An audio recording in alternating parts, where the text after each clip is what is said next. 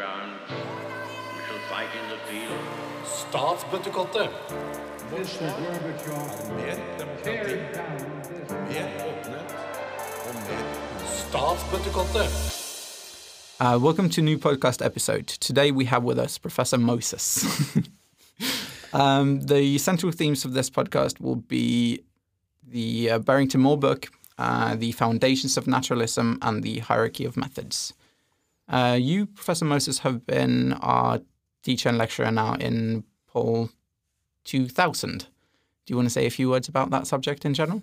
Well, it covers all those subject matters, sub- subjects. So um, the the idea is just to with that class is to help students develop good research designs for their bachelor's thesis, which requires both a insight into methodology and methods, and that's what the course is about. Thank you, and we hope you enjoy these episodes.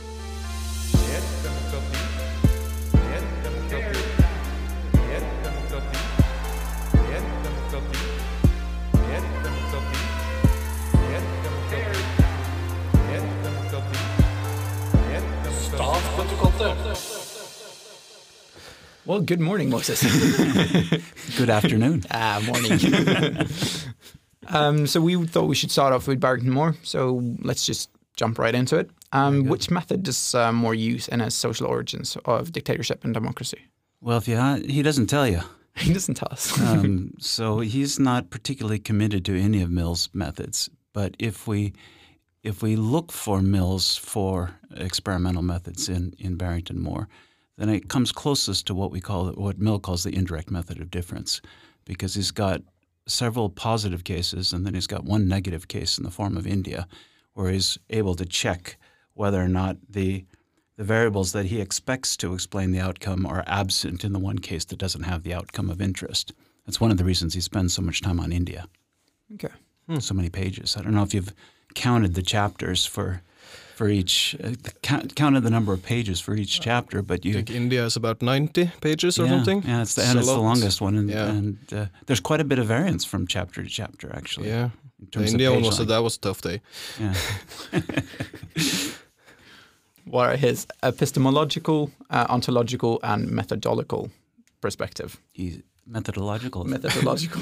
well, it- again, see, one of the reasons that Moore is so fascinating is that he's not explicit on these issues. Clearly, he's an um, int- he's an empiricist, and he comes from a Marxist tradition which places a lot of emphasis on sort of empirical evidence and and uh, and tracking causal processes out. So that one's pretty clear. In terms of ontology and methodology, because he's so vague, it's really difficult to put a finger on him, and that's one of the reasons that that Torbjørn and I, when we wrote the book, we used we used Moore as kind of a um, uh, a vantage point because he can be interpreted both as a naturalist and a constructivist. So in, in our class, we didn't deal with the second half of the book, and uh, but the second half of the book is from a constructivist per, uh, perspective, where comparative methods are used in a different way. They're used more as a way to find out why it is we see these varying patterns, rather than assuming that the patterns are in nature independent of us and we all see the same thing. But but because Moore is so vague and he's not really explicit about how he's using his methods, how he's choosing his cases, he kind of straddles both worlds in a very convenient way. People can see in him what they want, and I think that's one of the reasons he's so attractive is that that both constructivists and naturalists want to call him his own. So in the in the class, what what I've done is I've I've asked you to read them in read him in light of naturalism, but I'm not sure he would feel so comfortable with that that depiction. The reason that I think it's convenient and easy to depict him in that way is because his student Theda Skocpol, who's another famous and and uh, and incredible social scientist, she she has given us a, a, a rather naturalist interpretation of Moore, but but I'm not sure he'd feel that comfortable. He's he's trained in a much more um, historical, um, maybe philosophical tradition that that uh, before positivism really dominated in the discipline. So I think he he um, he would think of himself almost more of as an area specialist rather than a than a hardcore positivist or naturalist. Yeah, so he has a foot in both camps, basically. Yeah, he can't. he- Yeah, I don't think I. I don't think he'd feel comfortable in either camp. So maybe, what I, I feel more comfortable saying that he he can be he can be read from both directions and and still do justice to his work. And and there's not many things that we read that can be read that way, that can can find support in both naturalist and constructivist camps. And and what I try to encourage you all with Pull 2000 is is to develop really strong naturalist um, skills and a, a worldview so that if you do later develop a constructivist angle to your work, it's still going to have this foundation that the naturalist will approach. You just don't have to you don't have to make it so explicit. You can use, you can u- use other devices to your advantage. But but I think that naturalism and constructivism share an awful lot of what's essentially good social science, and and Barrington Moore does that. He he can speak to both camps, and and in doing so, I don't think. I think he'd be a little bit offended if we were to put him too too too much in one camp or the other, because he'd be afraid that he was being ignored by the other camp. Yeah. Uh, Moore doesn't really make it clear what he's looking at, uh, and at least not in the beginning of the book. But what are his uh, independent and dependent variables? Sure. Well, the dependent variable is fairly easy, and uh, it's different routes to modern modernity. So he, he's looking at, um, well, like I said at the outset, uh, India is a, a case that he doesn't think has modernized, and so he's using that as a control case or check case. And then he's got three. He, he describes three different ways in which states can become modern: uh, the democratic route, the fascist route, and the, and the communist route. So that that because that's what he's trying to explain. That's his dependent variable. I don't think you'll find dependent variable written in any, anywhere in the book, and that's an important tell sign in itself, right? He doesn't talk about variables in that way. Uh, his independent variables are really clusters of variables. They're, they're, he's doing a class analysis, so it's not quite a, a straight mapping as we expect from a, a, real hardcore naturalist design. But, but he's got three uh, clusters of variables. The one is um, well, there's a bourgeois impulse, and that's the that's the idea that's probably most the catchphrase that's probably most closely associated with Barrington Moore among generations of social scientists is the idea no bourgeoisie, no democracy. And that, that, so that's the bourgeois impulse thing. You can't, you're not going to get this democratic route without a strong bourgeois impulse. The second one is the way in which agriculture was commercialized, whether it was market forced or whether it was more political uh, in nature. And the third one is the the revolutionary potential of the peasantry. Uh, and those three clusters of variables are used in different ways to explain the three routes to mo- modernity or the lack of modernity in the in the Indian case. Again, just like with the dependent variable, he's not calling these independent variables, and the, where we get the variable cluster idea from is from a student. Um, but but if you if you read him in the light of a naturalist design, then that's what you get. Does he also he doesn't define what modernity actually is? Any place in the book, uh, or I'm sorry. Does, does he define what? Uh, I don't think it defines what modernity is. No, that's and that's a very important observation because it signals to us that he's he's really quite lackadaisical on this front, and and that's why a lot of people aren't willing to put him in a strong naturalist camp. Is that I, I think that's the most one of the most frustrating things about the book, which I love, is the fact that he's he's not quite clear about what the variance is on any of his any of his variables and where the threshold is between a you know a positive case or a negative case, or or what modern where where the line is that separates non-modernity from modernity, or even between the three forms of modernity, and and he's unwilling to rank them in, in terms of hierarchy. So these things we'd expect from a naturalist, but but he doesn't do do that. No, so he's implicit in this work, not explicit. Yeah. It implies Yeah. uh, what can do the what, ca- what is the reasons for the social change, but he doesn't necessarily say these are what Yeah. I'm looking at. Exactly, and I think and that makes him, I think, more readable.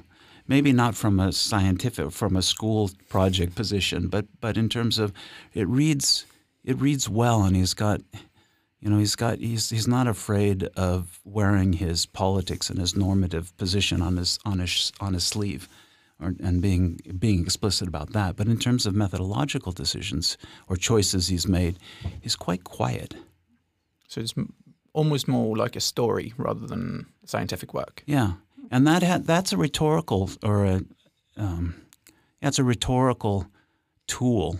Um, oftentimes, when we're writing a scientific project, uh, we we choose the method and we choose the way we present it with an eye at trying to convince your audience, and you can make these these choices in a tactical manner. All of his work is that way, so it's not tactical with regard to this particular book, but but he wants to reach a broader audience than you would get with a very stylized and cold and analytical language. I think he, he's quite successful, and that's one of the reasons we're reading the book, even though it was published in 1966. Uh, we sort of been uh, taken parts of this, but like, what are the key elements in Barrington Moore, and how it's relevant to this uh, um, subject to Yeah. Pull uh, 2000? Yeah. Well, I've been giving that a lot of thought after after our last meeting with, in uh, the, the class's last meeting, and for me, the reason to first put it on there is I think you can't be an educated political scientist without knowing Barrington Moore, even today. So it's it's a part of our canon, and in particular with regards to methods, it's part of the canon. So that that I, I, I, I guess I had the choice of putting some sort of abbreviation of him or somebody writing about him or giving you a chance to read it on yourself, read him for yourself. So the first thing I'd say is his relevance as, as part of the canon. Um, and, and as I've, I've brought up in the lectures, one of the things that we have to learn as political scientists is to plow through a great deal of work and, and read it analytically with an eye on not just the content, but how an argument is formed. And that, that means that we, we read an awful lot more than we actually use. So you have to learn how to read efficiently and analytically and for particular um, types of information, not just content, but theory, method, uh, design, literature reviews, things like this. And because it's such a big book, uh, I think I have to. For, I'm forcing you to read it in that way. Uh, I want you to be able to read it all and get all the history and, and be familiar with all the history. But I know that that might be too much to ask. But it's not, and it's not necessary for the class because the class is on methods and methodologies. And the idea is to here's an example. Like with everything else, you're going to have to read in, in for your bachelor's thesis. You're going to have to th- look at the work and say, what you know, how is he using or she using this theory? Um, if he or she had used a different theory, would have come to a different outcome. Same thing with regard to the choice of methods or the choice of data. Um, you have to read things um, instrumentally, and a long book forces you to be even more instrumental in that regard. So that's the second second reason. Um, another reason is because it's, because of the way he uses comparison. I think we um, we we we learn about comparison largely through statistics and and when we see a case study, we don't usually have enough room to really develop it because if you've got six cases, it becomes a 600 page book basically. So I think um, seeing how how he puts the cases together, how he organizes the chapters, how how it all comes together is a really good e- example uh, of comparison. Um, even if it's even if you're not reading all the history within each chapter, um, you you the the design is I think really impressive. And finally, I think the history is important. We don't emphasize enough of that in political science that that you really need to know. And most, I mean, most students, even at the master's level, they want to write about contemporary events, and and I can understand that um, because we're, we're interested in the world around us. But usually, the best way to to leverage any our understanding in order to under, uh, our leverage understanding about current events is to have a better grasp of history.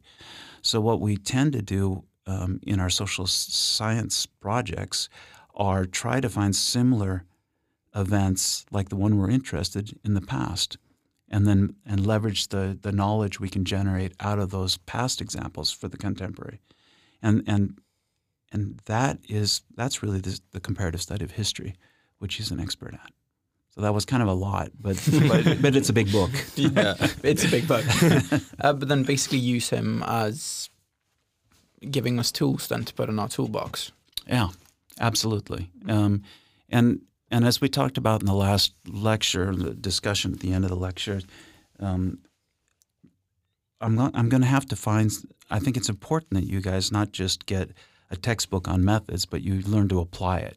and we can use the groups, uh, the group discussions as a way to do that. But but to be able to to try and apply it to such a complicated work as Barrington Moore, I think really sharpens your your analytical tools and your methodological tools. We could find an easier book. There was a good suggestion at the end of the lectures by one of your peers uh, who suggested maybe we should take a book that's that's um, required reading in one of the other subdiscipline classes, like an IR or comparative or uh, behavior, and then and then do a methodological review of that.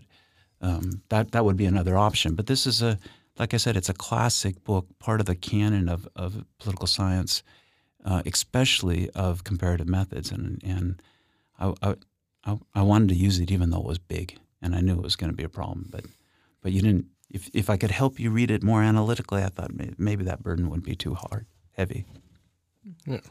Uh, you sort of mentioned this that- that one of the tools that you get from reading Barrington Moore is like how to build up an argument. But how does Moore actually build up his argument in the book? Well, he's he's clearly got. We, we haven't talked about it, but he's he's got something like a truth table in mind, and that's a that's the way you set up your variables, looking for variation in both the dependent and independent variables. So he's he's already he when choosing the cases, uh, and he had a couple more, right? He had Germany and and uh, uh, Russia that he didn't include in in the book, but that he could have easily done so. He's he's I'm sure he's got a really good design worked out in his mind. The question is, why doesn't he show it to us? And and I've been giving that a lot of thought because I'm I like working on old boats, old wooden boats. And and when you've got a a wood planked boat, an old wood planked boat, on the inside there's an awful lot of um, information that's provided about the quality of the boat or the wood after it's been in the water for a long time. There could be rot. There could be um, there could be bad fasteners. In a modern boat and in a poorly built old boat, there'll be a cover over that, so you can't see it, and it looks really good, right? But you cover up sort of the structure of the um, of the construction in order to please the the inhabitants. In a lot of way, that's that's what he's done. He's he, he's not showing us the architecture of his argument because he wants it to make it look look clean. But if you're going to rebuild an old boat, if you're going to work on an old boat, if you're going to make a boat yourself, you'd rather not have that that cover, that gloss over it. You want to be able to see where the problems are, so when they start arising, you can start dealing with them. So, in teaching students how to use these methods, it's really important to be quite explicit. And in the naturalist tradition, it's been a, a, uh, uh, a signature of theirs that we, we do these things, we make them explicit as an attempt to avoid bias.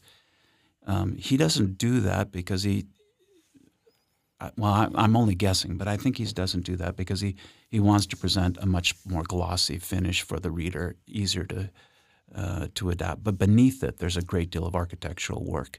And, and we can kind of work like anthropologists or, or boat builders and take off the what's called the ceiling on a boat, the, the, the cover that, that, that covers up the hull, and then get down there and see what's going on. So he puts up a facade around his arguments, basically. Yeah, So or he you- hide. Yeah, Yeah. So you yeah. cannot go in and actually understand how the argument has come to be. Well, we can, but we, we have to. We kind of have to X-ray it Yeah. uh, because he's not he's not helping us.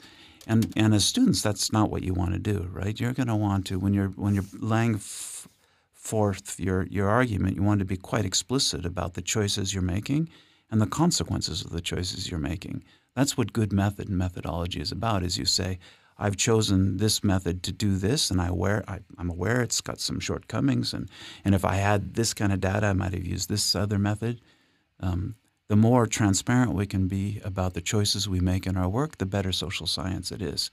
He's kind of in a different league that way. He doesn't feel an obligation to do that. It's there because when we when we do this X-ray, we can see the structure lying under underneath there. Uh, but for somebody just starting off, it's a it's kind of a gamble to to build a boat like that and then cover up the structure and then hope that everything's solid. You, I, I think it's better to have it exposed so that what you can see if this isn't working, you can go in and you can fix it right away. I think it's easier to do this. Barrington Moore can do this because he's been doing. He was he had been doing it for a long time and he was quite good at it. Right. I think that's it. Uh, that's all we have on Barrington Moore for now. Great. uh, so yeah, thank you, Moses, for coming to this podcast, and uh, see to- you in the, the next, one. My pleasure. My pleasure. Takk for at dere hørte på denne episoden. Eh, håper det har vært eh, informativt. Dette er viktig å huske at dette her er bare en liten smakebit av hva som er pensum. Det er òg viktig å lese. Eh, og, men jeg håper dette her kan gi dere en pekepinn til hva som er det som er hovedfokuset i faget. Så ønsker vi masse lykke til på eksamen.